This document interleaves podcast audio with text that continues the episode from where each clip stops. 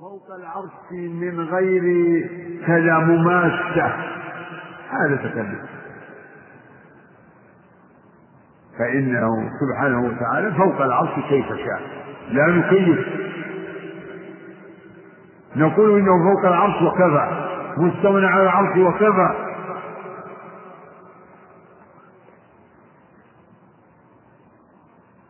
فوق سماواته على عرشه بائن من خلقه. فتقيد بقول إنه بائن من عرشه والعرش بائن منه. إذا أراد المعنى الذي ذكرناه في معنى بائن من خلقه فلا أما إذا أراد نفي المماسة فهذا مما يجب الإمساك عنه ويجب السكوت عنه وعدم التعرض له بنفي بنفي ولا إثبات. نقول إنه مستوى على العرش ولا نتعرض لهذا المعنى بنفي ولا إثبات. نعم. سؤال. والاستواء معلوم والكيف غير معقول والإيمان به واجب والجحود به كفر. هذا هو معنى ما أجر عن الأئمة مالك وربيعة ويروى مرفوعا من حديث أم سلمة. لما سئل الإمام مالك في القصة المعروفة يعني أطرق دخل عليه رجل وقال كيف استوى؟ أنه ذكر ذكرت هذه الآية فالرجل قال كيف استوى؟ فأطرق الإمام مالك وعلاه الرحضاء يعني استعظاما لهذا السؤال واستنكارا لهذا السؤال المتكلم فقال هذه المقالة المحكمة الاستواء معلوم حمد الاستواء معناه معلوم. الصحابة يعلمون معنى السواء والتابعون وتابعوهم يعلمون معنى السواء لأنه القرآن نزل باللسان العربي. ما خطب الله عباده بما بما لا يفهم معناه بل الاستواء معناه معلوم. إذا فقوله تعالى ثم استوى على العرش يعني على وارتفع على العرش. والكيف كيفية استواء الله على عرشه غير معقولة لنا. لا نعقلها لا ندركها بل هي مجهولة لنا. كما يعبر أحيانا والكيف مجهول. الاستواء معلوم والكيف مجهول. مجهول لنا لا نعقله ولا نعلمه. والإيمان به واجب تصديقا لخبره تعالى وخبر رسوله يجب الإيمان. الإيمان بالاستواء واجب. كالإيمان بعلم الله وسمعه وبصره وقدرته وعزته وحكمته. كما يجب الإيمان بهذا؟ لا يجب الإيمان بالاستواء. على العرش. والجحود به كفر. لأنه تكذيب لله ورسوله. يعني جعل شيء من صفات الله كفر. هذا هو. لأنه تكذيب لله. فلو قال قال يعني الله ليس مستوى على العرش كما لو قال الله ليس حيا. الله تعالى يقول وتوكل على الحي الذي لا يموت. الله ليس حيا. الله لا لا, لا تقوم به حياة. هذا كفر. هذا وهذا كله في القرآن مما أخبر الله به عن نفسه. كما لو قال إنه تعالى لا يغضب ولا يرضى. الجحود به كفر؟ ولكن بما إن المنتحلين لهذه المذاهب يعني من المسلمين هم لا ينفون النصوص. لا يقولون الله ليس مستويا على العرش. يقول الله استوى على العرش. لكن بأي اعتبار؟ لو سألناهم وقلنا هل الله بذاته فوق السماوات وفوق المخلوقات؟ يقولون لا. ينفون. إذا فما قولكم بقوله تعالى ثم استوى على العرش؟ منهم من يقول الله أعلم بمراده هذه نصوص متشابهة يجب أن نسكت عنها ولا نتكلم فيها. وهذه الآيات ما أنزلها الله لنفهم منها شيئا.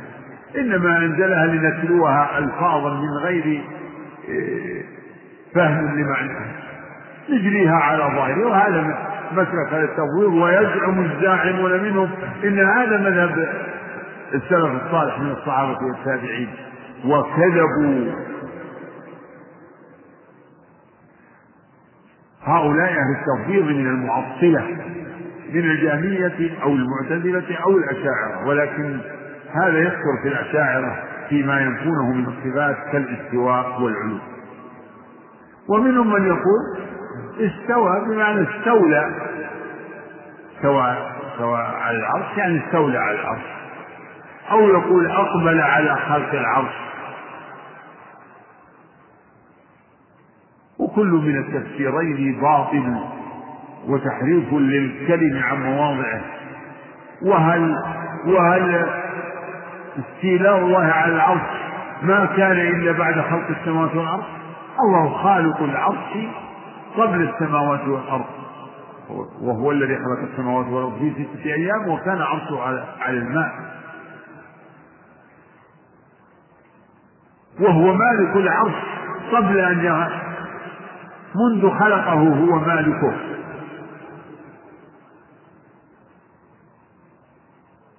والقول بأنه استولى على العرش بعد خلق السماوات والأرض يقتضي أنه لم يكن مستوليا عليه قبل ذلك.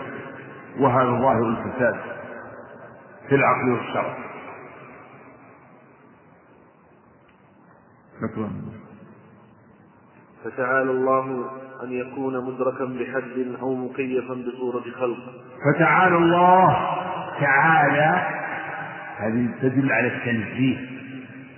سبحانه وتعالى عما يشركون. تنزيه.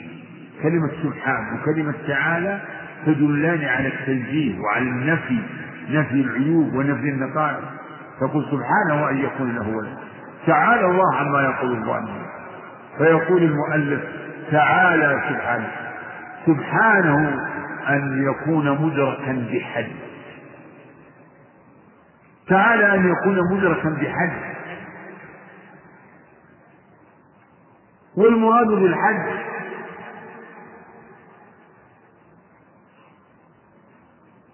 الحد يراد به في عرف المناطق وصار عرفا عند أهل العلم. الحد هو بيان ماهية الشيء. اللفظ الذي تعرف به أو تعرف به ماهية الشيء. تعالى الله أن يكون مدركا بحد. يعني تعالى الله أن يكون مدركا بلفظ يحدد حقيقة الرب تعالى. نعم نحن نعلم ربنا نعرف ربنا بأسمائه وصفاته وبما دل وبتعريفه لنا في آياته والمتلوة وآياته المخلوقة. لكن لا نعلم كيفية ذلك فقول تعالى الله أن يكون مدركا بحق يشبه أن يكون تعالى الله أن يكون مدرك الكيفية والحقيقة. تعالى الله أن يكون مدرك الكيفية والحقيقة. تعالى الله عن أن يكون مدركا بعبارة تحدد كنه ذاته.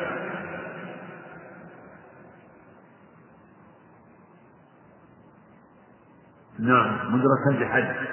نعم. أو مكيفا بصورة خلق إيه، إيه، إيه.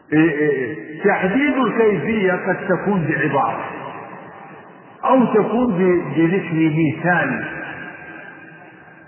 فالمؤلف يقول تعالى الله عن أن أن تكون حقيقته مدركة بتعبير أو بتمثيل. كان يقول قائل ذات الرب أو كيفية ذاته مثل كذا مثل كيفية كذا. تعالى الله أن يكون مدركا بحد أو مكيفا بصورة خلقه نعم. مش حاشا على حد قول هو ما هو الحد يقصد لي بقول بالانضباط لا لا هذه المراد المؤلف غير المسلم خلص. تروح ويجب أن نعتقد أن الله تعالى يرى في الآخرة يراه المؤمنون بأبصارهم من غير حد ولا كيف والكفار عن رؤيته محجوبون. يقول يجب أن نعتقد أن الله يرى يوم القيامة يراه المؤمنون يوم القيامة. هذا مما يعتقد يعتقده أهل السنة ويؤمن به أهل السنة أن الله يرى يوم القيامة؟ بالأبصار يراه المؤمنون عيانا بأبصارهم يرونه في في عرصات القيامة ويرونه بعد دخولهم الجنة. لا إله والأدلة على هذا كثيرة من الكتاب والسنة وعليه إجماع أهل السنة. فمن أدلة الكتاب على إثبات الرؤيا قوله تعالى وجوه يومئذ ناظرة أي بهية مشرقة حسنة. إلى ربها ناظرة. يعني تنظر إلى ربها. نظر الإبصار. وهذا هو معنى النظر المعدى بإلى فالنظر إذا عدي بإلى إلى كان معناه الإبصار. نظر إلى كذا يعني رآه وأبصره. لذلك قوله تعالى للذين أحسنوا الحسنى وزيادة. جاء تفسيرها تفسير زيادة في السنة لأنها النظر إلى وجهه الكريم سبحانه وتعالى.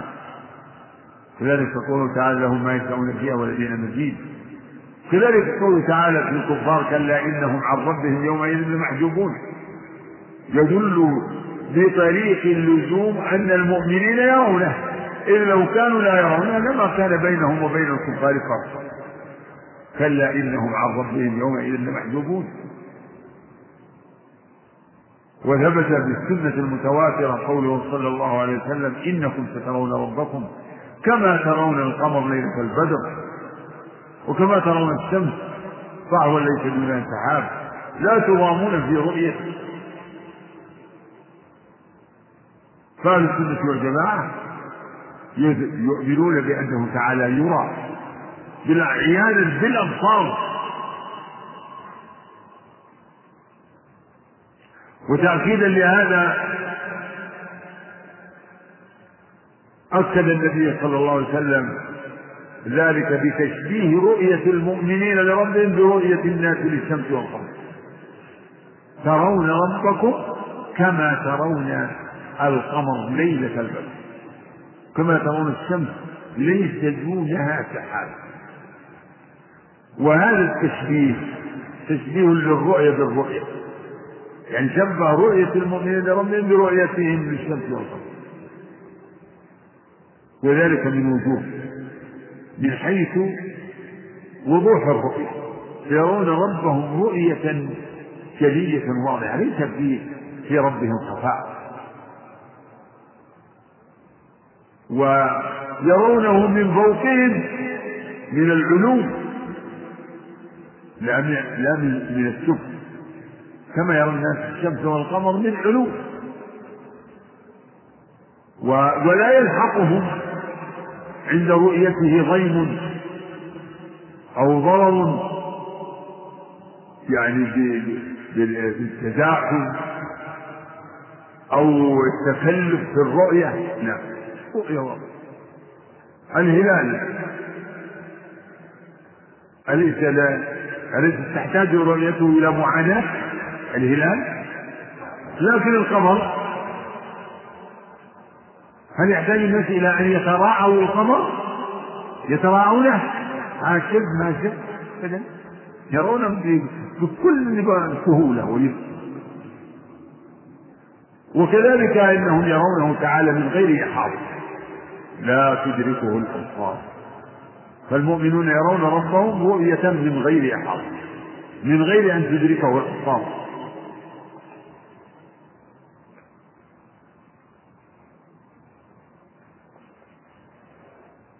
وأجمع أهل السنة على ذلك.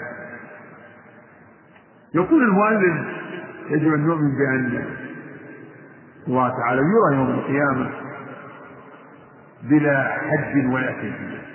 نعم بلا كيفية. لا نقول كيف يرى. يعني عند رؤيته كيف يكون لكن رؤية المؤمنين لربهم الله الرسول صلى الله عليه وسلم بينها لنا أنهم يرونه كما يرون الشمس وذكرت لكم وجه الشبه بين الرؤيتين. ومن ذلك انها رؤية بصريه أيضا. نلاحظ هذا مهم أنهم يرونه عيانا بأبصارهم. كما يرون قلبية. ليست رؤية علمية بل هي رؤية بصرية.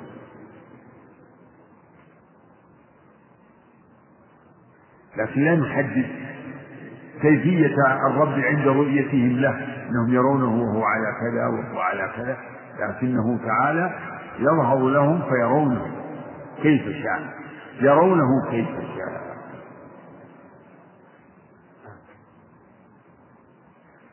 والجهمية والمعتزلة ينفون هذه الحقيقة ينفون الرؤية عن الله ويستدلون بمثل قوله تعالى لموسى لن تراني. قوله تعالى لا تدرك الأبصار. وهي حجة عليهم ذلك فقوله تعالى لا تدرك الأبصار هو نفي للإحاطة. ونفي الإحاطة يستلزم إثبات الرؤية من غير إحاطة.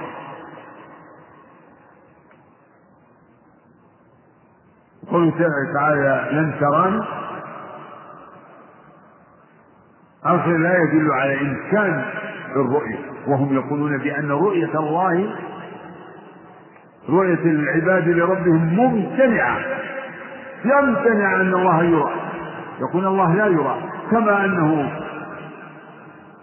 يعني تعالى لا يموت ولا يقتل ولا يشرب ولا ينام. كذلك يقول إن إنه لا يرى. فالرؤيا فرؤيته ممتنعة كامتناع هذه النقائص. كامتناع هذه النقائص. وليس هذا منهم بغريب. ما دام انهم قد نفوا صفات الرب تعالى صفات الكمال فهذا من جملتها. كون الشيء يرى كمال نعم. فما يرى أكمل مما لا يرى فإن المعدوم لا يرى. فإذا قيل في رب العالمين إنه لا يرى كان ذلك تشبيها بالمعدوم.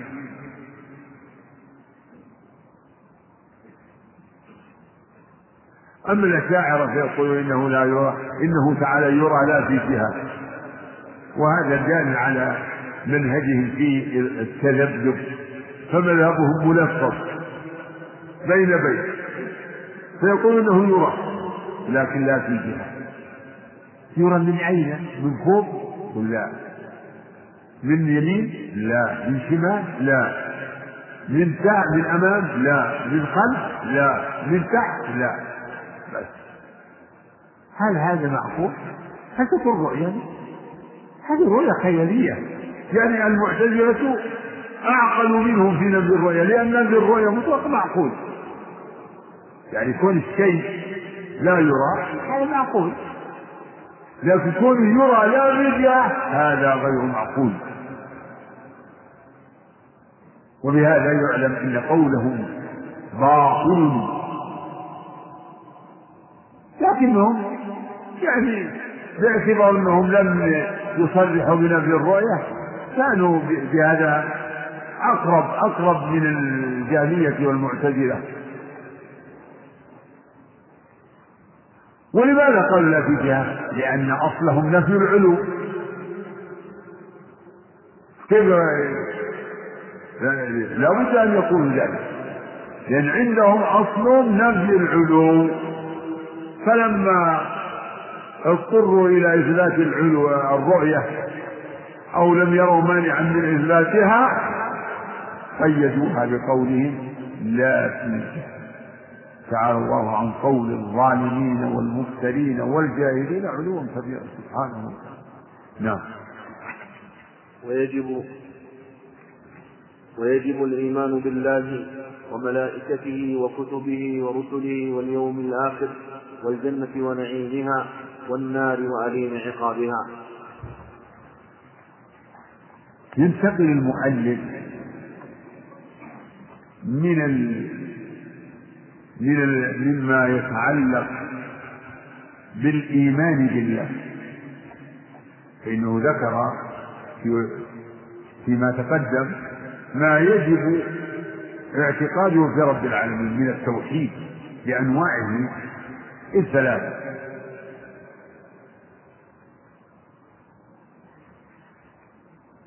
وإن فصل فيما يتعلق بتوحيد الأسماء والصفات. وأفاض في الكلام على مسألة الكلام والقرآن. فإنه ينتقل إلى ذكر بقية أصول الإيمان. فيقول ويجب أن نؤمن بالله. هذا إجمال من بعد تفصيل. نؤمن بالله يعني نؤمن بوحدانية وربوبية وإلهية وأسمائه وصفاته وكأنه يقول فكما يجب الإيمان بالله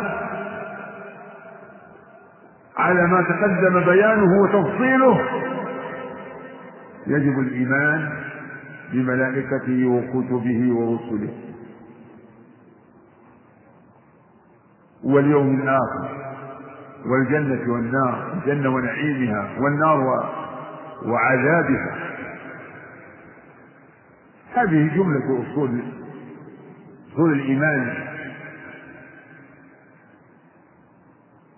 التي ذكرها الله في مواضع من القرآن وذكر هذه الخمسة في آيتين. فيذكر يذكر هذه الأصول مجتمعة في بعض الآيات ويذكر بعضها في آيات أخرى كالإيمان بالله واليوم الآخر والإيمان بالله ورسله. قال في هذه الأصول الخمسة ولكن البر من آمن بالله واليوم الآخر والملائكة والكتاب والنبيين. وقال ومن يكفر بالله وملائكته وكتبه ورسله واليوم الآخر فقد ضل ضلالا بعيدا.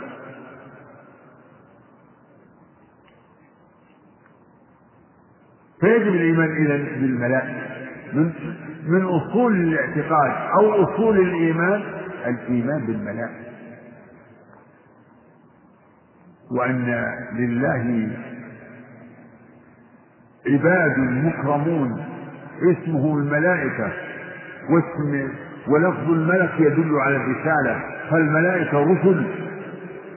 جاعل الملائكة رسلا. فيجب الإيمان بوجوده وبما أخبر الله عنهم من من أحوالهم وأعمالهم وصفاتهم. وقد دلت النصوص على أنهم مخلوقون. عباد مكرمون طائعون لله كما قال تعالى وقالوا اتخذ الرحمن ولدا. يعني المراد بقول المشركين إن الملائكة بناتهم. وقال وقالوا اتخذ الرحمن ولدا. سبحانه. تنزيه له بل عباد يعني بل الملائكة عباد مكرمون لا يسبقونه بالقول وهم بأمره يعملون. يعلم ما بين أيديهم وما خلفهم ويعلم ما بين أيديهم وما خلفهم ولا يشفعون إلا لمن ارتضى وهم من خشيته مشفقون إن الذين عند ربك لا يستكبرون عن عبادته ويسبحونه وله يسجدون. يسبحون الليل والنهار لا يفترون. لا يعصون الله ما أمرهم ويفعلون ما يؤمرون فهم طائعون عابدون لله.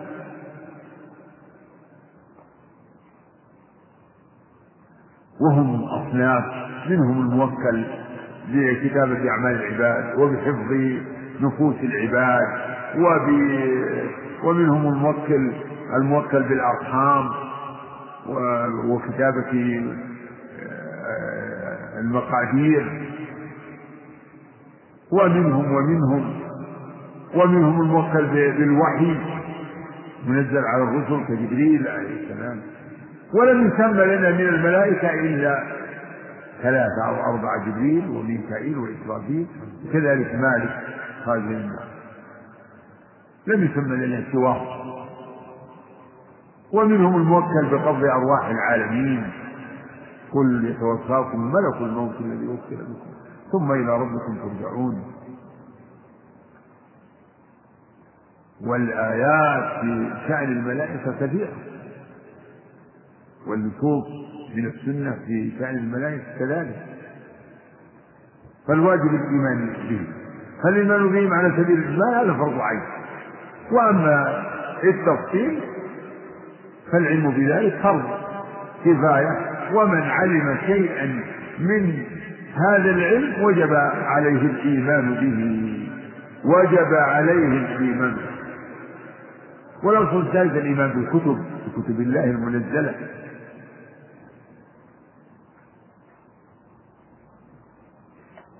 كل آمن بالله. آمن الرسول بما أنزل إليه من ربه والمؤمنون. كل آمن بالله وملائكته وكتبه ورسله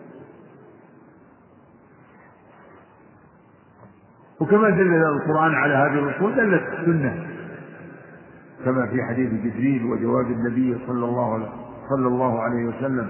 له عندما قال أخبرني عن الإيمان. قال أن تؤمن بالله وملائكته وكتبه ورسله ومن الكتب التي سماها الله لنا التوراة والإنجيل والزبور وصحف إبراهيم. وأما القرآن فهو أعظمها وأكملها وأجمعها وهو الكتاب المهيمن المصدق لما بين يديه من الكتب.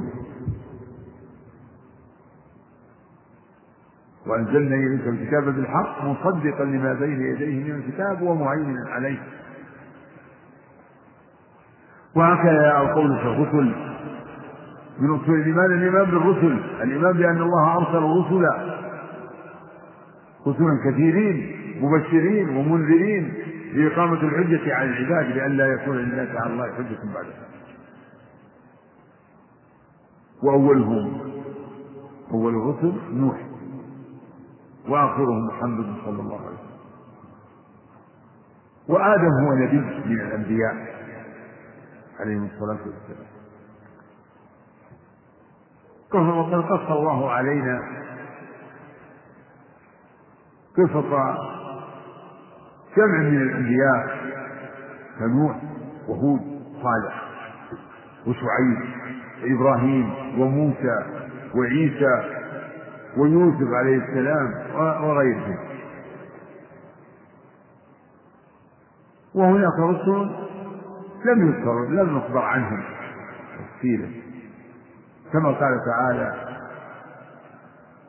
ورسلا قد قصصناهم عليك من قبل ورسلا لم نقصصهم عليك وكلم الله موسى. الأصل الخامس من أصول الإيمان الإيمان باليوم الآخر. والإيمان باليوم الآخر يتضمن الإيمان بكل ما يكون بعد الموت. وأعظم ذلك الجنة والنار. الإيمان بالجنة والنار والبعث. نعم البعث بعد الموت والقيامة. الإيمان بالقيامة الكبرى. الإيمان باليوم الآخر. اليوم الآخر يكون بالقيامة الكبرى. وهو بعد الناس من قبورهم يوم يقوم الناس لرب العالمين. ألا يظن أولئك أنهم مبعوثون؟ ليوم عظيم. يوم يقوم الناس لرب العالمين. ومن الإيمان باليوم الآخر الإيمان بالجنة. دار المتقين والنار. دار الكافرين. قال تعالى في في النار أعدت للكافرين. وفي الجنة أعدت للمتقين. وأهل السنة والجماعة يؤمنون بالجنة والنار وأنهما مخلوقتان الآن موجودتان. وأنهما دائمتان لا تفنيان وأما أهل الضلال والبدعة كالمعتزلة فيقول الجنة والنار لم توجد الآن لكنهما تخلقان يوم القيامة.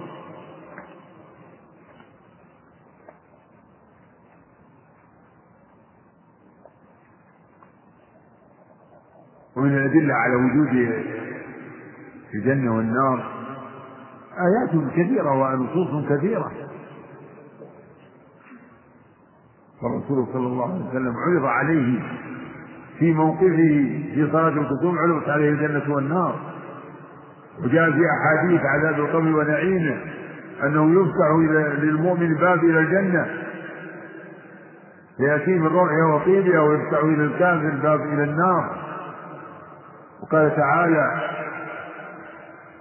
ما كذب الفؤاد ما رأى تمرونه على ما يرى ولقد رآه نزلة أخرى عند سدرة المنتهى عند جنة الماء وقال في فرعون وقومه النار يعرضون عليها غدوا وعشيا ويوم تقوم الساعة أدخلوا آل فرعون أشد العذاب. وهما دائمتان باقيتان كما أخبر الله عن خلود أهل الجنة والنار فيهما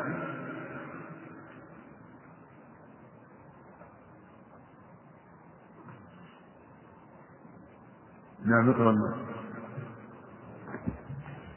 وفي حديث عبادة بن الصامت من شهد أن لا إله إلا الله له لا شريك له أن محمدا عبده ورسوله وأن عيسى عبد الله ورسوله. كلمة ألقاها إلى مريم وروح منه والجنة حق والنار حق أدخله الله. وكان مما يقول مما كان الرسول عليه الصلاة والسلام يفتتح به في صلاته يعني من من من أذكار الاستفتاح في الصلاة يقول ولك الحمد أنت حق ووعدك حق وقولك حق والجنة حق والنار حق. نعم. ويجب الإيمان بالله وملائكته وكتبه ورسله واليوم الآخر. واليوم الآخر نعم. والجنة ونعيمها والنار وليم عقابها. والجنة ونعيمها. عطف الجنة والنار على الإيمان باليوم الآخر يعني كانوا بالعطف الخاص على العام لأن الإيمان باليوم الآخر يدخل فيه الإيمان بكل ما أخبر الله به ورسوله مما يكون بعد الموت. من فتنة القبر وعذابه ونعيمه. والبعث والنشور والحشر والصراط والميزان والجنة والنار. نعم. والشفاعة وذبح الموت والحوض المكرم به نبيه صلى الله عليه وسلم والصراط والميزان. عطف هذه الأشياء على الإيمان باليوم الآخر لأنها كلها داخلة في الإيمان باليوم الآخر. من الإيمان باليوم الآخر الإيمان بالجنة والنار كما تقدم.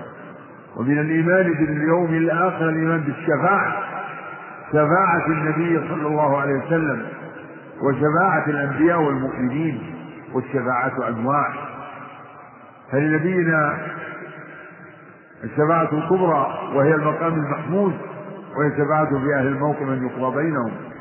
عندما يتراد الأنبياء ويعتذر الأنبياء عن التقدم لها كما في الحديث الثابت في الصحيحين وغيرهما من دواوين الإسلام. ولنبينا الشفاعة كذلك في أهل الجنة أن يدخلوا الجنة كما في صحيح مسلم. أنهم إذا عبروا الصراط وقفوا على قنطرة بين الجنة والنار فإذا هزقوا نقوا أذن لهم بدخول الجنة. ثبت أنهم لا يدخلون حتى يستشفعوا بالأنبياء وحتى يشفع النبي صلى الله عليه وسلم للمؤمنين بدخول الجنة. ومن ومن شفاعته عليه الصلاة والسلام شفاعته في أهل الكبائر من أمته الذين يدخلون النار أن يخرجوا منها فيشفع في ذلك شفاعات متعددة. وهذه الشفاعة يشرك في جنسها الملائكة والأنبياء والمؤمنون. فيشفعون في من دخل النار أن يخرج منها. وهذه الجماعة ينكرها الخوارج والمعتزلة لأن أصل الخوارج والمعتزلة أن من مات على شيء من كبائر الذنوب من غير توبة فإنه مخلد في النار فمن دخل النار لا يخرج منها وهذا معنى قولهم بإنفاذ الوعيد. في أصول المعتزلة إنفاذ الوعيد. وهذا هو معناه فهذه الشفاعة لنبينا أعظم نصيب من الشفاعة في من دخل النار أن يخرج منها فأهل السنة والجماعة يؤمنون بأن أهل الكبائر في النار لا يخلدون. ولو ماتوا من غير توبة بل يعذبون فيها ما شاء الله ثم يخرجون منها بمحض رحمته تعالى أو بشفاعة الشافعين من من المؤمنين من الملائكة والأنبياء والصالحين. والشفاعة كذلك من مما يجب الإيمان به يؤمن به أهل السنة والجماعة الحوض لنبينا عليه الصلاة والسلام. وهو مورد كريم وحوض عظيم. جاء ذكره وذكر صفاته في السنة المتواترة. ومن ذلك أنه طوله شهر وعرضه شهر وأن تعدد نجوم السماء. ماءه بيض أشد بياضا من اللبن وأعلى من العسل. وأخبر الرسول عليه الصلاة والسلام أنه يتقدم أمته إلى الحوض. إذ يقول للأنصار أنا فرطكم على الحوض إنكم ستلقون بعدي أثرا فاصبروا حتى تلقوني على الحوض. ومما جاء في شأن الحوض أنه ترد عليه جماعات فيزادون يعني يمنعون ويحال بينهم وبين الورود فيقول عليه الصلاة والسلام أمتي أمتي فيقال له إنك لا تدري ما أحدث بعدك. فيقول سحقا سحقا لمن بدل بعدي. فيجب الإيمان لأن لنبينا عليه الصلاة والسلام الحوض المورود ذلك الحوض الذي يظهر الله به فضله وفيه كرامة وفي هذا الحوض كرامة لأمته وغياث غياث لهذه الأمة ممن استقام على سنته صلى الله عليه وسلم. كذلك مما يجب الإيمان به ويدخل في الإيمان باليوم الآخر الميزان ميزان الأعمال. وهذا مما أخبر الله به في كتابه في مواضع. فمن ثقلت موازينه فأولئك هم المفلحون ومن خفت موازينه فأولئك الذين خسروا أنفسهم بما كانوا بآياتنا يظلمون. وقبلها قال والوزن يومئذ الحق. قال سبحانه وتعالى فأما من ثقلت موازينه فهو في عيشة راضية وأما من خفت موازينه فأمه هاوية إلى غير ذلك من الآيات. وهكذا السنة دلت على وزن الأعمال. قال عليه الصلاة والسلام في شأن ابن مسعود ودقة ساقيه إنهما في الميزان لأثقل من جبل أحد. وقال عليه الصلاة والسلام كلمتان خفيفتان على اللسان حبيبتان إلى الرحمن ثقيلتان في الميزان. سبحان الله وبحمده سبحان الله العظيم. والأحاديث فيها في هذا المعنى كثيرة. فلهذا كان من عقيدة أهل السنة والجماعة أنهم يؤمنون بوزن الأعمال.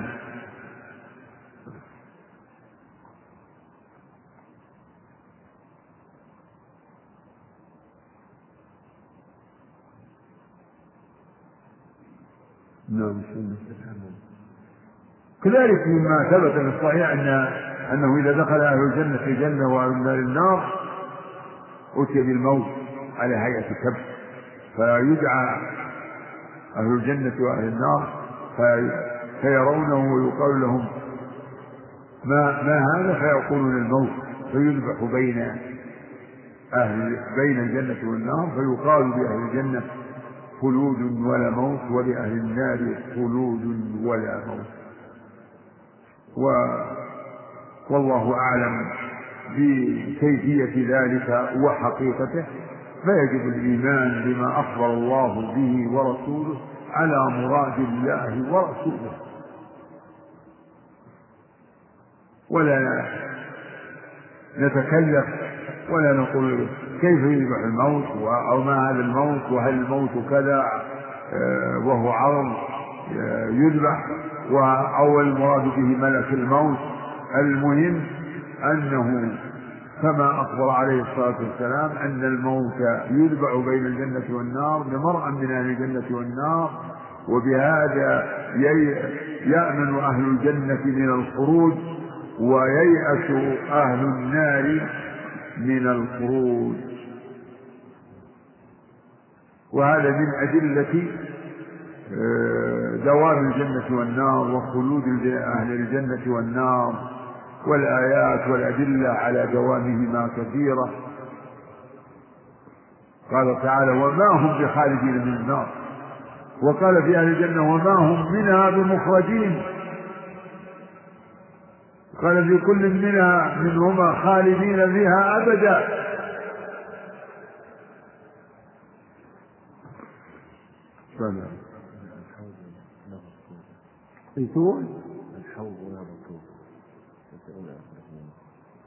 الكوثر نهر أعطاه الله للنبي الكوثر نهر أعطاه الله للنبي في الجنة.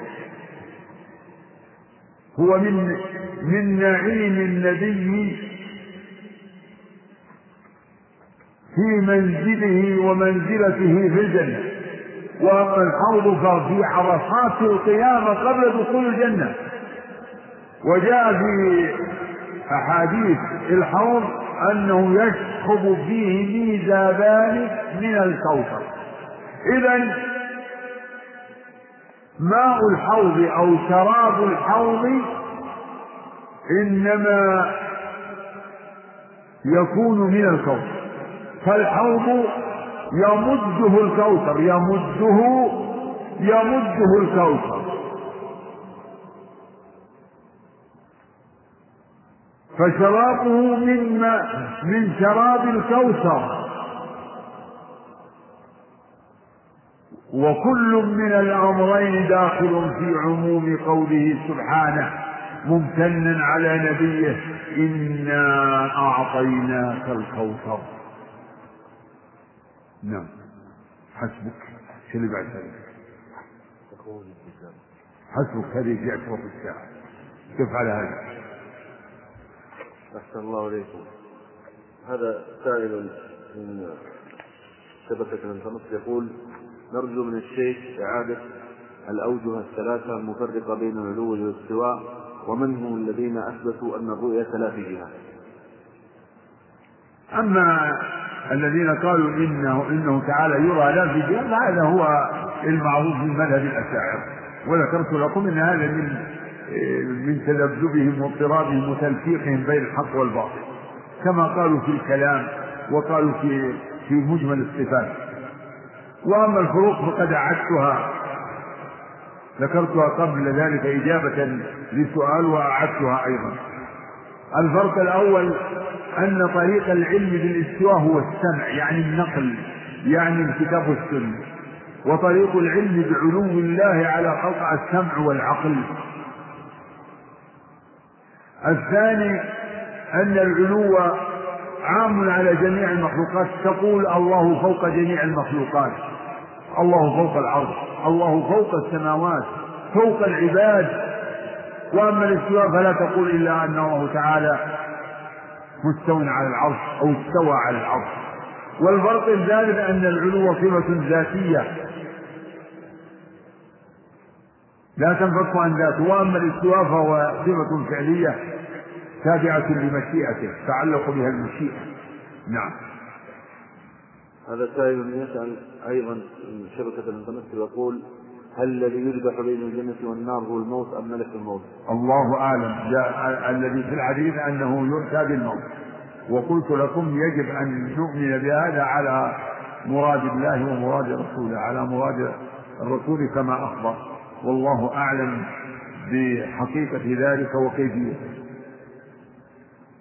كما قال جاء عن الشافعي الأثر مشهور انه كان يقول آمنت بالله وبما جاء عن الله على مراد يعني فيما اشتبه وأشكل وآمنت برسول الله وما جاء عن رسول الله على مراد رسول الله صلى الله عليه وسلم. نعم. هل الجلوس من معاني الاستواء؟ بعض السلف يطلقون لفظ الجلوس ويذكرون في ذلك آثار. وكأنهم لا يرون مانعا من إطلاق لفظ الجلوس. لكن المعاني التي فسر بها الجلوس هي الأربعة كما تقدم. فيكفي أن نقول إنه تعالى مستو على العرش. كيف شاء مستو على العرش أي عال فوق العرش مرتفع على العرش. ولا, ولا نقول كما يقول نفاة الاستواء إن استواءه ليس بقعود. وارجعوا إلى هذه مناقشة شيء من الكلام في هذا في إلى الرسالة التدمرية. فإن شيخ الإسلام يقول إن المتوهم في استواء الله على عرشه أنه كاستواء المخلوق يقول إن استواءه ليس بقعود ولا استقرار. يقول ولا يعلم أنه يقال في مسمى الاستواء ما يقال في مسمى القعود والاستقرار. فإن كانت الحاجة داخلة فالله تعالى منزه عن كل ما يستلزم الحاجة والافتقار وإن كانت الحاجة غير داخلة فلا فرق بين إثبات الاستواء والقعود والاستقرار. نعم. الله تعالى الذي خلق العرش ومالكه قبل أن يخلقه. هل هذه العبارة مستقيمة؟ الله تعالى الذي خلق العرش ومالكه قبل أن يخلقه. أن يخلقه. هذا كلام لا يعقل أن الله تعالى مالك كل شيء لكن الملك إنما يتعلق بالموجود. من حيث الملك أما من حيث القدرة فالله على كل شيء قدير. هو قدير على الموجود والمعدوم. لكن إنما يقال إن الله مالك كذا فيما هو موجود. له ملك السماوات والأرض. له ملك السماوات والأرض. هذا هو المدرس مثل ما يقال في الرؤية. إنما تتعلق الرؤية بالموجود. إن له يعني في الكلام العام له له كل شيء. له الدنيا والآخرة. له السماوات والأرض ومن فيهن. فله الملك على الإطلاق. ولا نحتاج إلى نتكلف نقول إنه مالك العرش قبل خلق العرش. له هو مالك العرش سبحانه وتعالى. له الملك أزلا وأبدا. له الملك التام. نعم. له الملك كله. له الملك كله. لا يخرج عن ملكه شيء. نعم. يقول من القواعد عند أهل السنة أن كل صفة كمال لا نقص فيها بوجه من الوجوه فالله أحق بالإتصاف بها. فما معنى هذا الكلام؟ وهل يوصف الله بالأنام لأنها صفة لا نقص فيها؟ ونحو ذلك مما يرى الإنسان أنها صفة لا نقص فيها؟ نعم هذا هذا مما فسر به أهل العلم المثل الأعلى أن له الوصف الأكمل. الأطيب ومعنى هذا أن كل كمال لا نقص فيه فالله أحق به.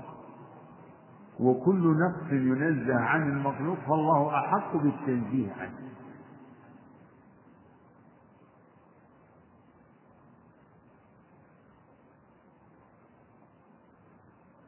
وأما الآناة بهذا التعبير فأنا لا أعرف أنه ورد في شيء من ذلك. ولا يعني هذا التأصيل إننا نستحدث لله صفات لم ترد بها النصوص. هذا في الحقيقة هو دليل عقلي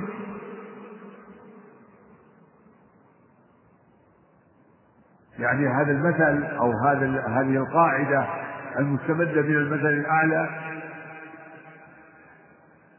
هذه لا أعلم أنه يعول عليها في إثبات صفة من الصفات على وجه التعيين لأن كل ما وصف كل ما وصف الله به نفسه مما تدل عليه الفطر والعقول هو موجود في الكتاب والسنة.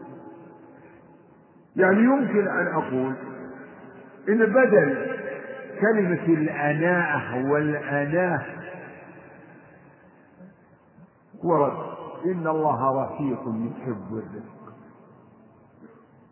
إن الله رفيق يحب الرفق في الأمر كله. رفيق فيه رفق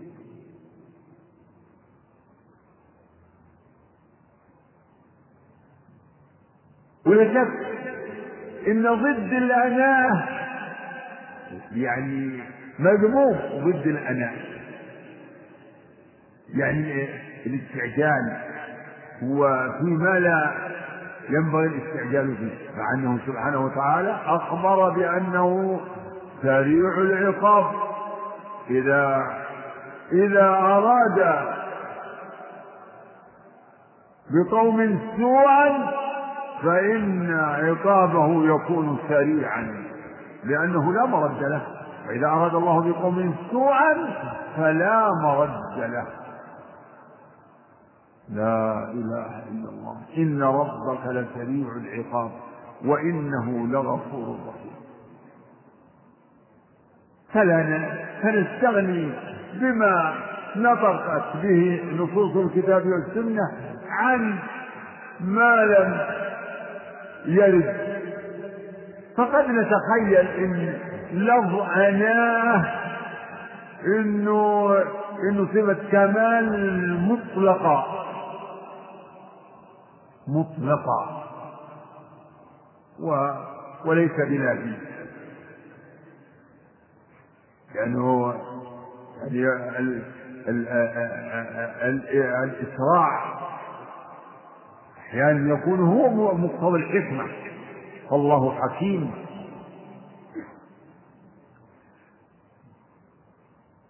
يمهل.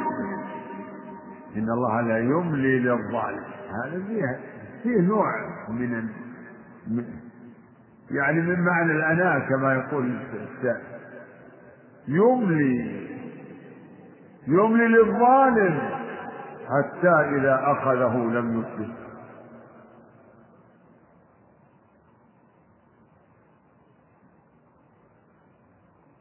فلا نطلق على الله يعني ألفاظا قد يكون فيها إشكال أو اشتباه بل نعتصم بنصوص الكتاب والسنة. لأن ذلك هو طريق السلامة. نعم. ذكرنا أحد الإخوة جزاه الله خيرا أنه جاء في المثل قوله ويؤمن من الاضطراب نعم. قول المؤلف يؤجل يؤجل. نعم. هذا سائل يقول آه، قال الله عز وجل خلق السماوات والأرض ثم استوى على العرش. والمعلوم أن الله خلق السماوات والأرض في ستة أيام. ففي هذه الأيام الستة هل صفة العلو ثابتة لله جل وعلا؟ إي والله ثابتة لله. نعم. قلت لك العلو. لكن الاستواء إنما دل النص على أن الاستواء بعد ذلك. نعم بعده.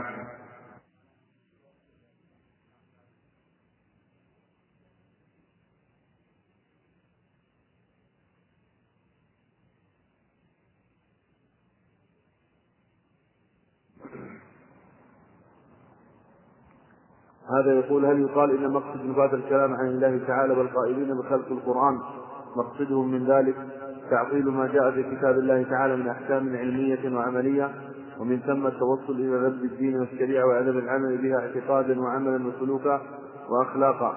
دع دع دع التطويل والكلام به. لا الملاحدة منهم والزنادقة المنجسون في صور الإسلام نعم هذا مقصودهم والمغرورون الذين انطلت عليهم تلك الشبهات وترسخت في عقولهم ما هو مقصودهم؟ لكنهم ضلوا ضلالا بعيدا ووقعوا في الكفر من حيث يشعرون أو لا يشعرون. من كان هذا مقصوده فهو كافر أصلا. ولا ولا نشك أن في طوائف المبتدعة زنادقة.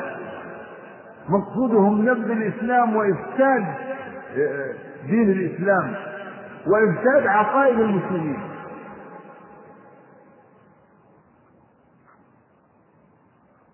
لكن هذا هذا القصد لا ينسحب على كل طوائف المتكلمين ممن وقع في هذه البدع والضلالات نعم. يقول يقول هل المؤمنون يرون الله عز وجل في الجنة وفي عرفات القيامة أو في الجنة فقط؟ أنا قلت هذا. في عرفات الجنة وبعد دخولهم الجنة. شيخ الإسلام هكذا في العقيدة الوصفية يقول يرونه سبحانه في عرفات الجنة في عرفات القيامة وبعد دخولهم الجنة كما يشاء الله سبحانه وتعالى. نعم. هل هناك فرق بين الرؤية والإدراك؟ نعم. آه الإدراك المنفي عن الله عن الأبصار لا تدركه الأبصار هو الإحاطة. وأما الرؤية فهي أعم من ذلك. فالرؤية قد تكون مع إحاطة. يعني الكلام الكلام على مفهوم رؤية وإحاطة. الرؤية قد تكون مع إحاطة وقد تكون من غير إحاطة. فالرؤية المثبتة للمؤمنين يوم القيامة هي رؤية من غير تجاوز يقول هل رؤية الله لجميع الأوقات أو في وقت معين؟ يكون كيف شاء الله سبحانه وتعالى. وأهل الجنة في رؤية لله يتفاضلون ويتفاوتون كما يتفاوتون في منازلهم ودرجاتهم. الله أعلم. نعم. هذا أشكل عليه ما جاء عن حديث أبي موسى الأشعري أن النبي صلى الله عليه وسلم قال مر عليه وهو يقرأ القرآن فقال لو علمت أنك تستمع إلي لحبرت لك تحبيرا. يقول قد أشكل علي هل هو من عمل الذي يراد به الدنيا؟ لا والله. أترى أترى يعني تحري ما يحبه الرسول من إرادة الدنيا؟ يقول لو علمت أنك تستمع لحبرته لك فهل القصد إلى تحقيق ما يحبه الرسول؟ هذا من من القرب.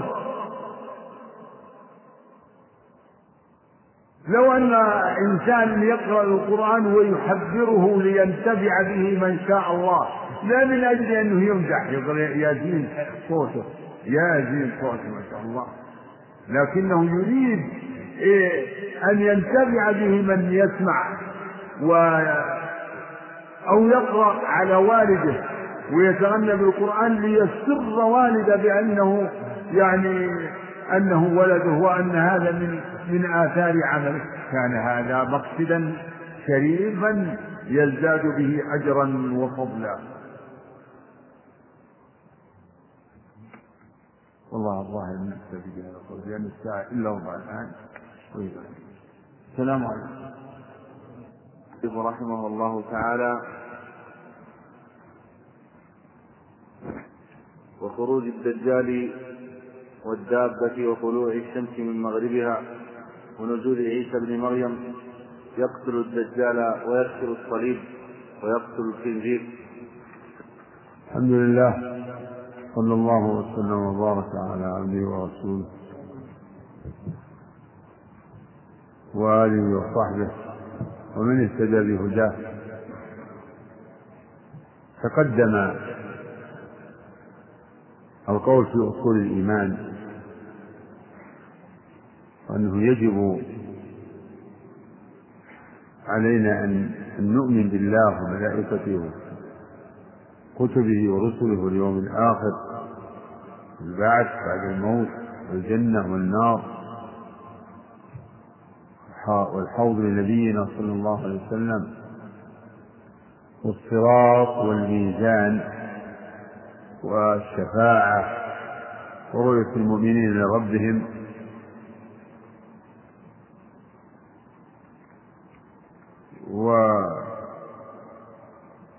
وبقي من هذه المسائل المتعلقة باليوم الآخر أو المتعلقة بالإيمان باليوم الآخر الصراط.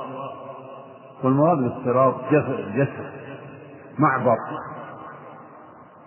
معبر على متن جهنم.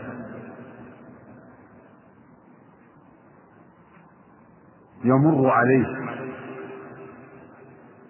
الناس على بأعمالهم على قدر أعمالهم. جاء في الأحاديث الصحيحة الناس يمرون عليه متفاوتين في سيرهم فمنهم من يمر على الصراط كالبرق منهم من يمر كالريح ومنهم من يمر تجاوز الخيل وكركاب الإبل ومن الناس من يعبر من يسعى سعيا ويركض ومنهم من يمشي ومنهم من يذهب وهكذا. ومن شأنه يعني. ثم ممن يمر عليه من يعني من يلقى في جهنم وعلى الصراط حلاليب تخطف الناس بأعمالهم. فناد مسلم ومقدوس في النار. والصراط قد أشير إليه في القرآن في قوله تعالى وإن منكم إلا والده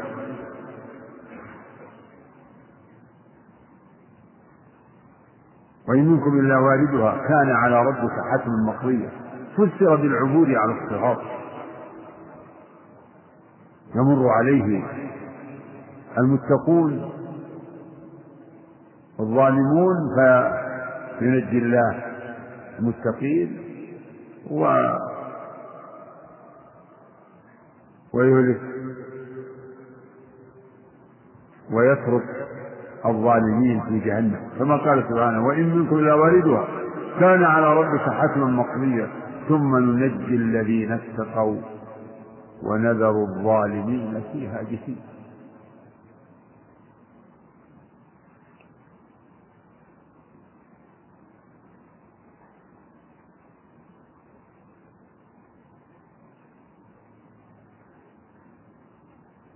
والله أعلم أن العبور على الصراط ليس لكل أحد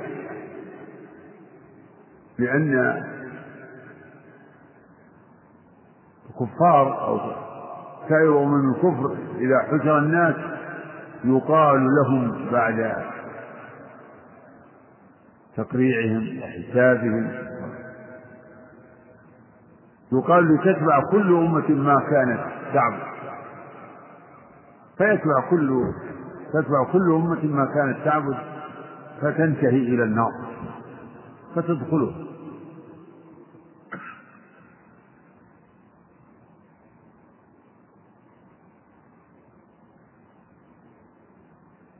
ولكن الذين يعبرون على الصراط منهم المنافقون كما جاء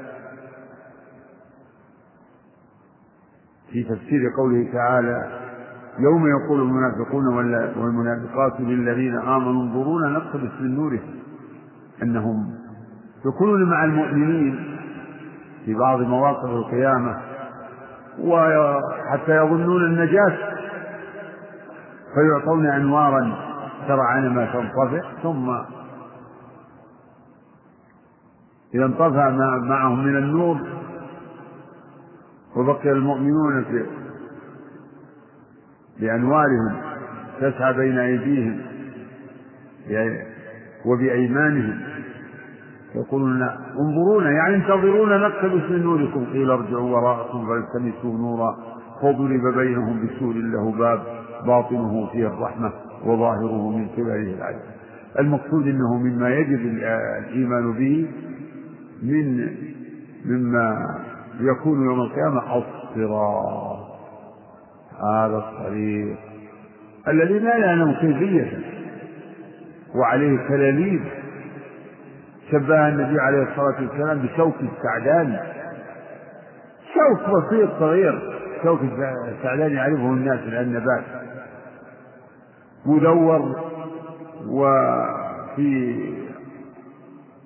جوانبه شوك. يعني شوكة الواحدة تجدها مدورة ومحاطة برؤوس مدببة. شوك السعدان ولكن هذا تقريب وتصوير كأنه لشكلها وأما عظمها فلا يعلمه إلا الله.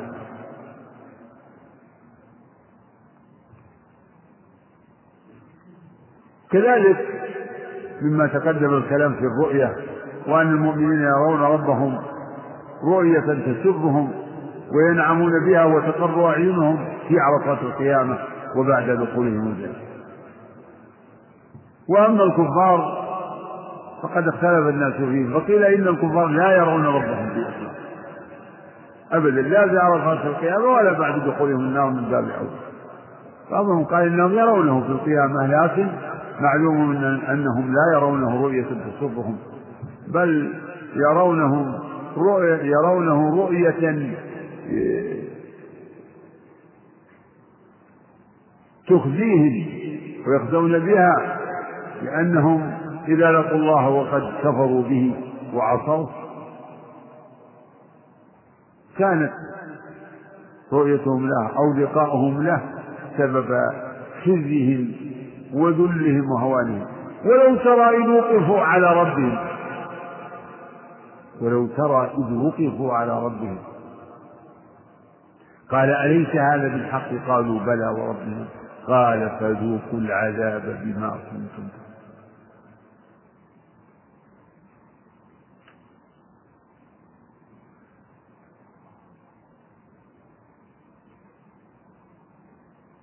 وكذا إنما يراه المنافقون الذين يكونون مع مع هذه الأمة يرونه وكذلك إنهم إذا رأوه و كشف سبحانه وتعالى لهم عن ساقيه وسجد له المؤمنون وأراد المنافقون أن يسجدوا. صارت ظهورهم كصياص البقر. يعني مثل قرون البقر لا يستطيعون أن ينحنوا ولا أن كما جاء في تفسير اقرأوا تفسير قوله تعالى يوم يكتب عن ساق ويدعون إلى السجود فلا يستطيعون خاشعة أبصارهم تراقهم ذلة. وقد كانوا يدعون إلى السجود وهم سالمون. فكان المنافقون يسجدون لكن ما كانوا يسجدون لله. إيمانا وطاعة وذلا واحتسابا إنما كانوا يسجدون نفاقا وخداعا كما يقول يقول آمنا بالله وباليوم الآخر وما هم بمؤمنين. وإذا لقوا الذين آمنوا قالوا آمنا وإذا خلوا إلى شياطينهم قالوا إن معكم إنما نحن مستهزئون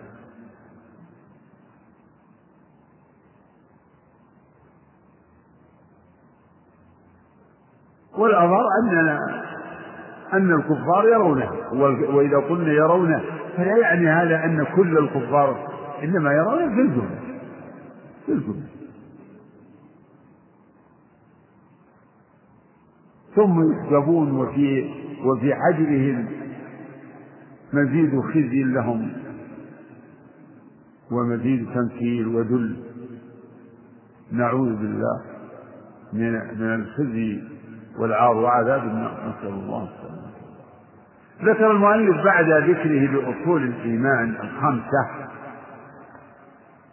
الإيمان بالله وملائكته وكتبه ورسله واليوم الآخر.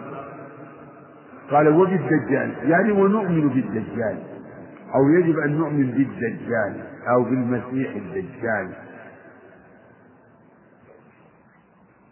وبطلوع الشمس من مغربها.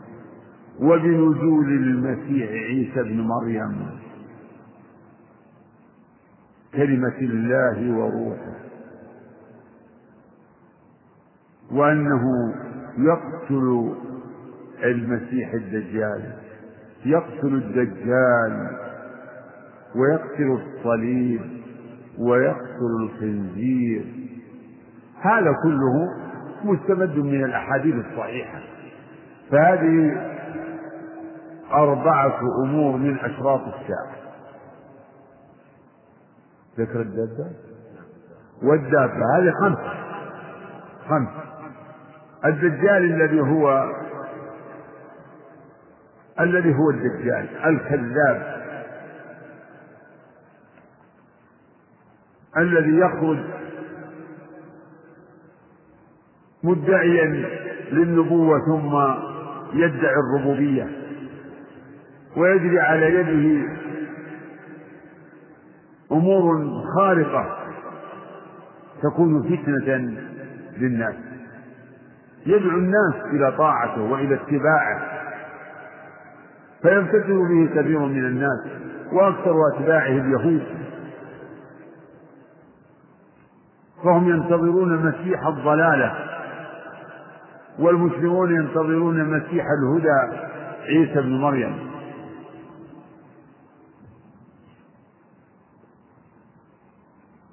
والمسيح الدجال. قد استفاضت الأدلة من السنة على خروجه وذكر أحواله وصفاته. فالرسول عليه الصلاة والسلام أنذر أمته الدجال وأخبر أنه ما من نبي إلا أنذر أمته الدجال. ولكن الرسول عليه الصلاة والسلام أبان من حاله وصفاته ما لم يكن من نبي قبله. لأنه عليه الصلاة والسلام نبي الساعة. فكل أشراط الساعة إنما تكون من بعده وعلى إثره وجاء في وصف الدجال أنه أعور عين يمنى كأن عينه عنبة طافية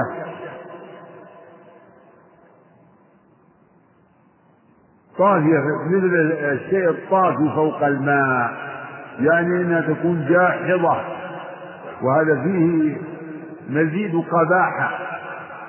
يعني العين إذا كانت غائرة أهون من أن تكون طافية. يعني لا يبصر بها وهي طافية جاحظة. أعور وأخبر عليه الصلاة والسلام قال إنه أعور عين وإن ربكم ليس بأعور. أخذ منه بعض أهل العلم إثبات العينين لله وأنه سبحانه وتعالى له عينان بريئتان من كل آفة ونقص سبحانه وتعالى. وهذا شأنه وشأن صفاته الكمال المطلق. وجاء في وصفها كذا أمور كثيرة. مكتوب بين عيني كافر يقرأ ذلك كل مسلم. المهم الإيمان بهذا المخلوق الذي يحصل ويخرج في آخر الزمان. ومن حكمة الله أن شرع لنا الاستعاذة بالله من فتنته في كل صلاة. كل صلاة في التشهد الأخير. كما ثبت عن النبي عليه الصلاة والسلام أنه قال إذا تشهد أحدكم فيستعيذ بالله من أربع. يقول اللهم إني أعوذ بك من عذاب جهنم من عذاب القبر من فتنة المحيا والممات ومن فتنة المسلم فتنة. فتنة المسيح الدجال أعظم فتنة في الحديث الذي رواه الترمذي بادروا بالأعمال سبعة وذكر منهم أو الدجال فشر غائب ينتظر أو نعوذ بالله من فتنة المسيح.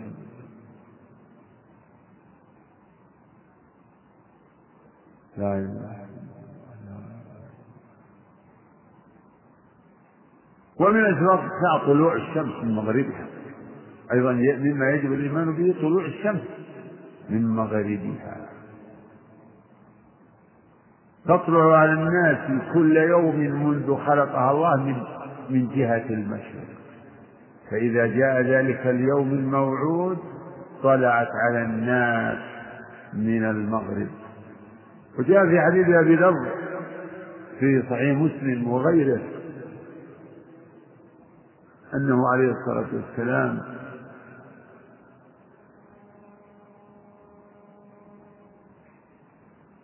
أخبر بأن الشمس تذهب فتسجد تحت العرش وتستأذن يعني بالمضي فإن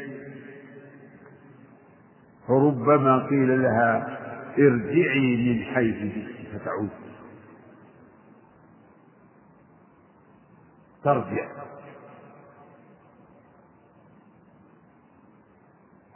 والله أعلم بكيفية سجودها واستئذانها. كل أمور الغيب يجب الإيمان بها على مراد الله ورسوله.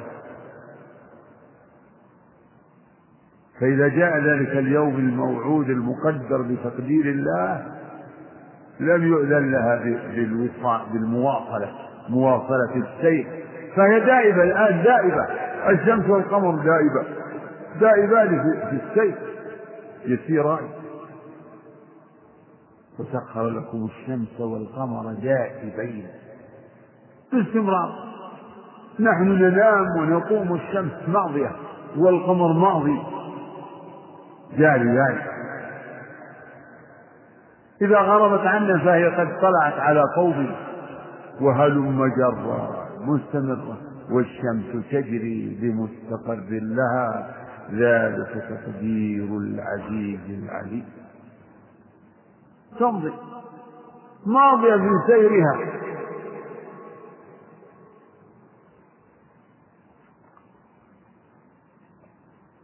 فتطلع في ذلك اليوم المقدر الذي يعلمه الله على الناس من مغربها.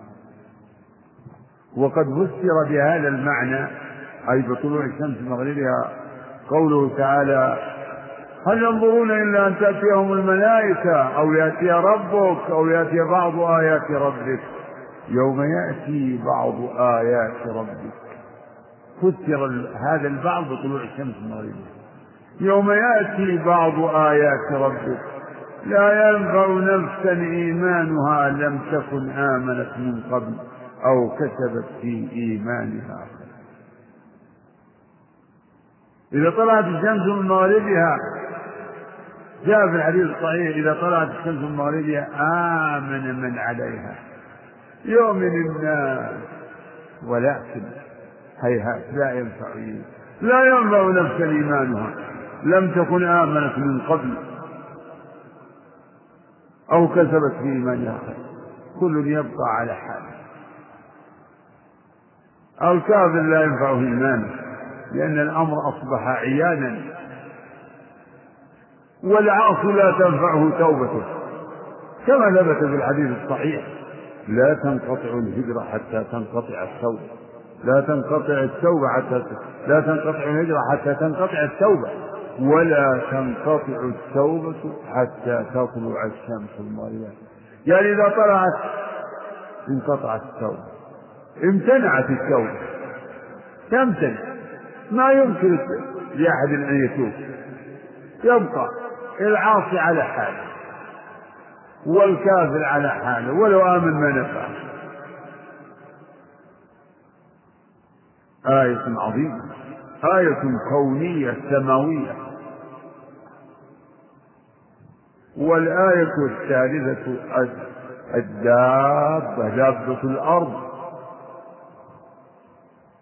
وهي المذكورة في قوله تعالى فإذا وقع القول عليهم أخرجنا لهم دابة من الأرض تكلمهم أن الناس كانوا بآياتنا لا يوقنون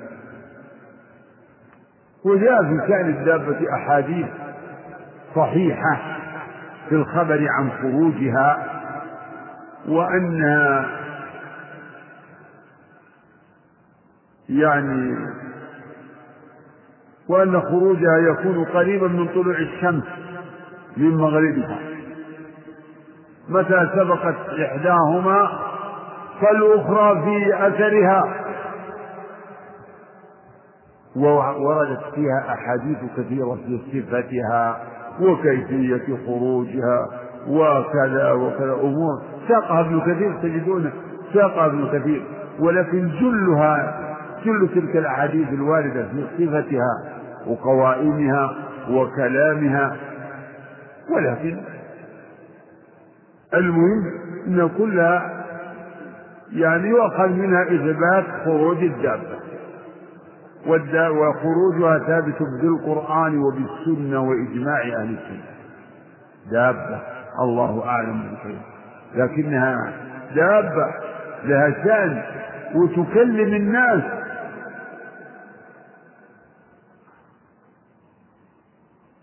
فهي أحد فهي فخروجها هو أحد أشراط الساعة الكبرى. هذه الأمور المذكورة هي من شروط من أشراط الساعة الكبرى. والرابع هو نزول المسيح عيسى بن مريم عليه السلام. روح الله وكلمته ألقاها إلى مريم وروح منه.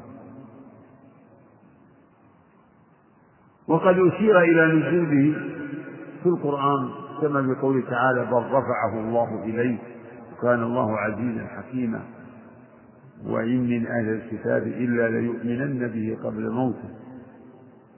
وقد يكون الآية التي تدل على مجيئه قوله تعالى في شأنه وإنه لعلم للساعة فلا تمترن بها.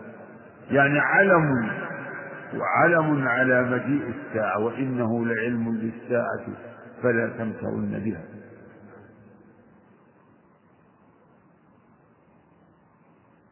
وجاءت السنة الصحيحة بالتصريح بالخبر عن نزوله. كما ثبت في الصحيح عن النبي عليه الصلاة والسلام أنه قال يوشك أن ينزل فيكم ابن مريم حكما في الصلاة فيكسر الصليب الصليب الذي يعبده النصارى معبود النصارى يكسره تنبيها على بطلان ملة عباد المسيح عباد الصليب. باطل. هم الآن النصارى يعظمون الصليب. يعبدونه يعلقونه ينصبونه على كل شيء. معبودهم رمز. الإله. لكن المسيح إذا جاء أعلن بطلان عبادته يكسر الصليب ويقتل الخنزير تنبيها على تحريمه. فالخنزير محرم في شريعة المسيح وشريعة محمد عليه الصلاة والسلام. وسائر الشرائع. ذكر بعض أهل العلم أن هذه المحرمات محرمات في جميع الشرائع.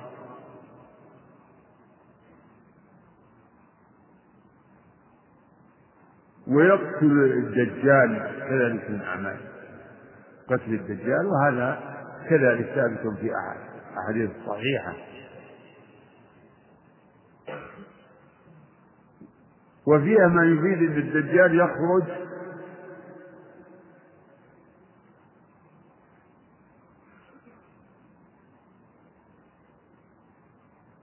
لا كان مفاد الأحاديث إن الدجال يخرج كأنه قبل فإذا نزل المسيح عليه السلام طلبه فيدركه في مكان كذا بباب لد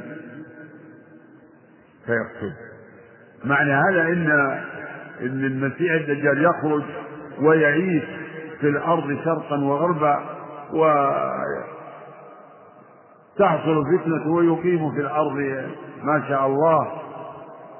ثم إذا نزل المسيح سلط عليه فقتله هذه أربع أربعة أمور من أشراط الساعة الكبرى الدجال والشمس وطلوع الشمس مغربها وخروج دابة الأرض ونزول المسيح ابن مريم عليه الصلاة والسلام. نعم بعد.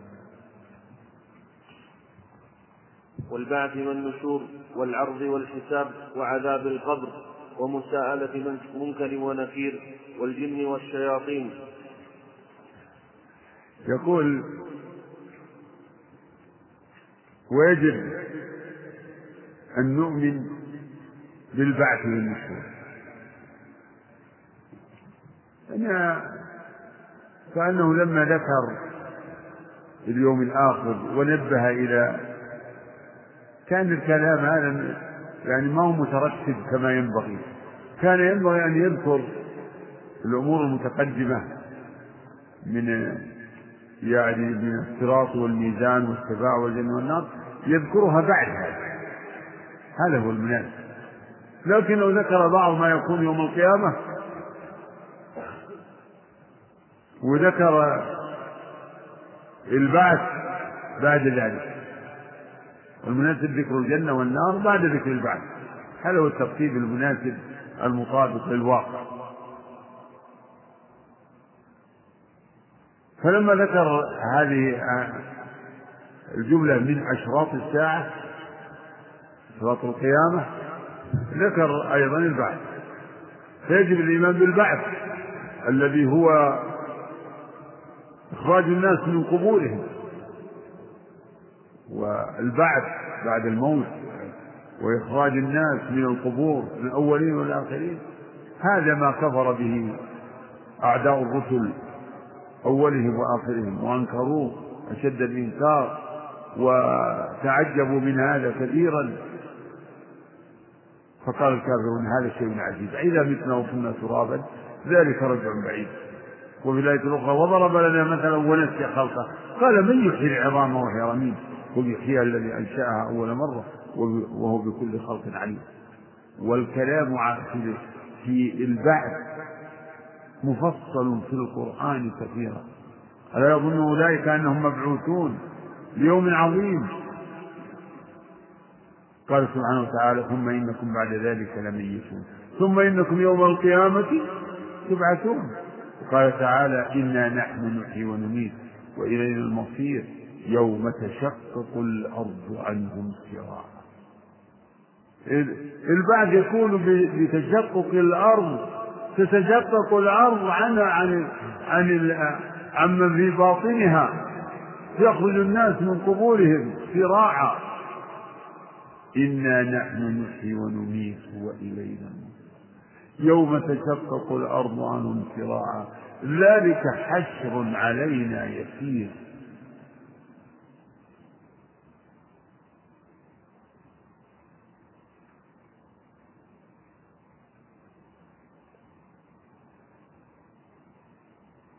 وعبر عن هذا بالخروج وبالنشور. بالنشور.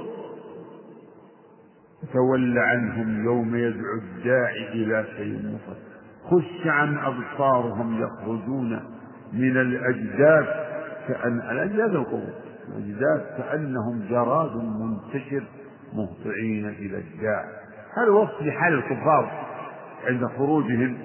وإلا فالمؤمنون يخرجون والملائكة تبشرهم وتؤمنهم تنزل عليهم بالبشائر. تنزل عليهم الملائكة ألا تخافوا ولا تخافوا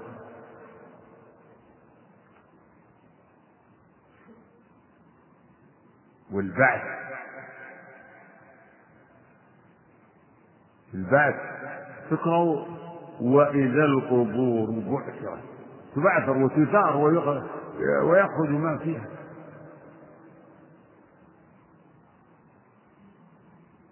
يأخذ كل من كل ما ما في هذه الأرض من الأولين والآخرين. من أول النسمة إلى آخرين يخرجهم ربه قل إن الأولين والآخرين لمجموعون إلى ميقات يوم معلوم.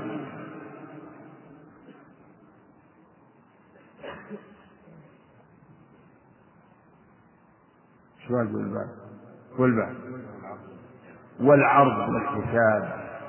أيضا يجب الإيمان بالعرض عرض العباد على الله يومئذ تعرضون لا تخفى منكم خافية.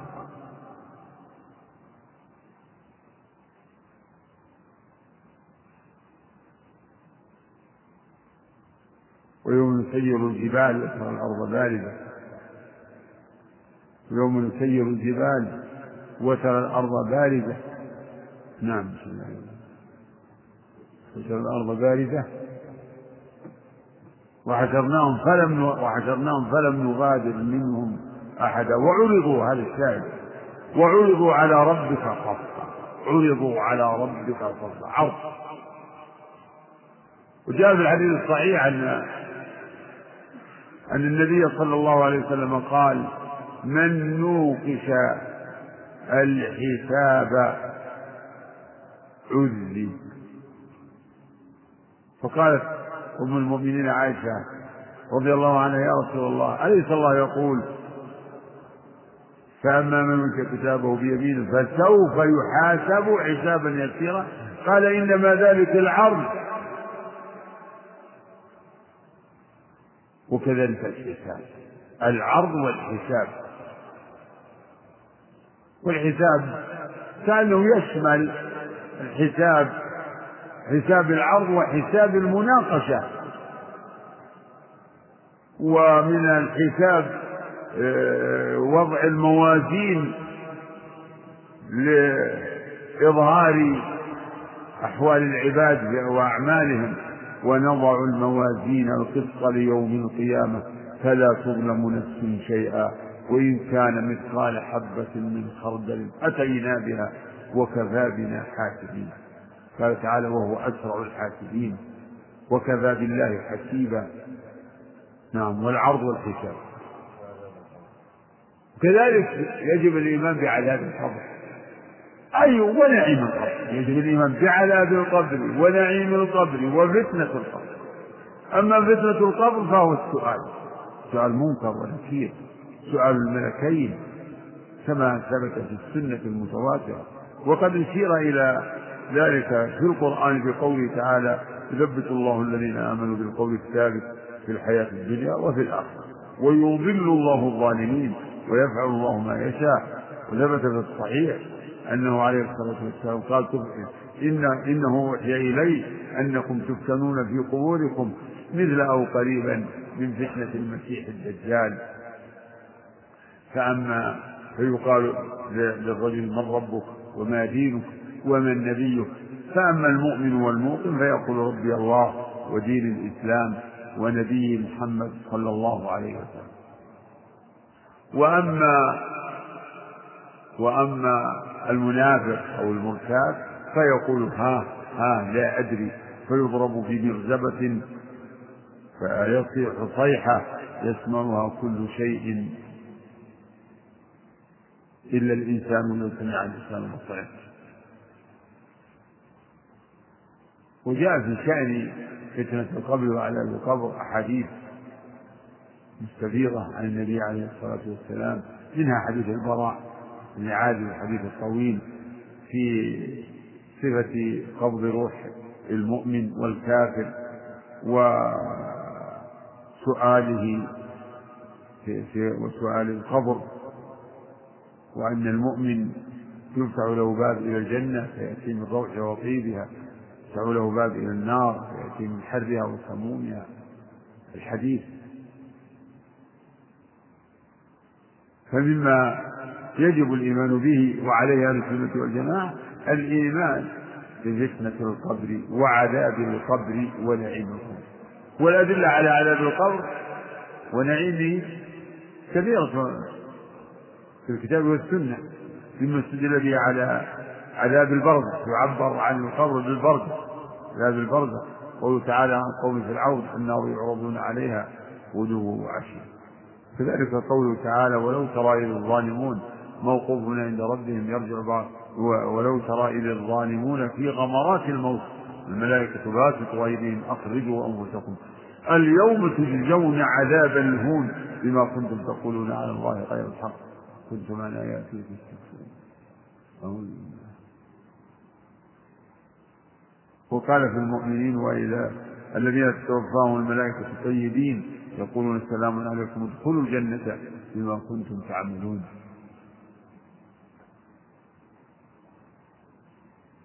وصح عن النبي عليه الصلاة والسلام أن نسمة المؤمن تكون طائرا يعلق في شجر الجنة وأرواح الشهداء في عواصف طير الخضر تسرع بالجنة إلى غير ذلك. وجاء يعني أكثر الأحاديث إنما فيها ذكر فتنة القبر وسؤال الملكين وجاءت تسمية الملكين في رواية عند الترمذي أنهما منكر ونكير بعض أهل السنة يذكر هذا يعني وما يجب الإيمان به الإيمان ب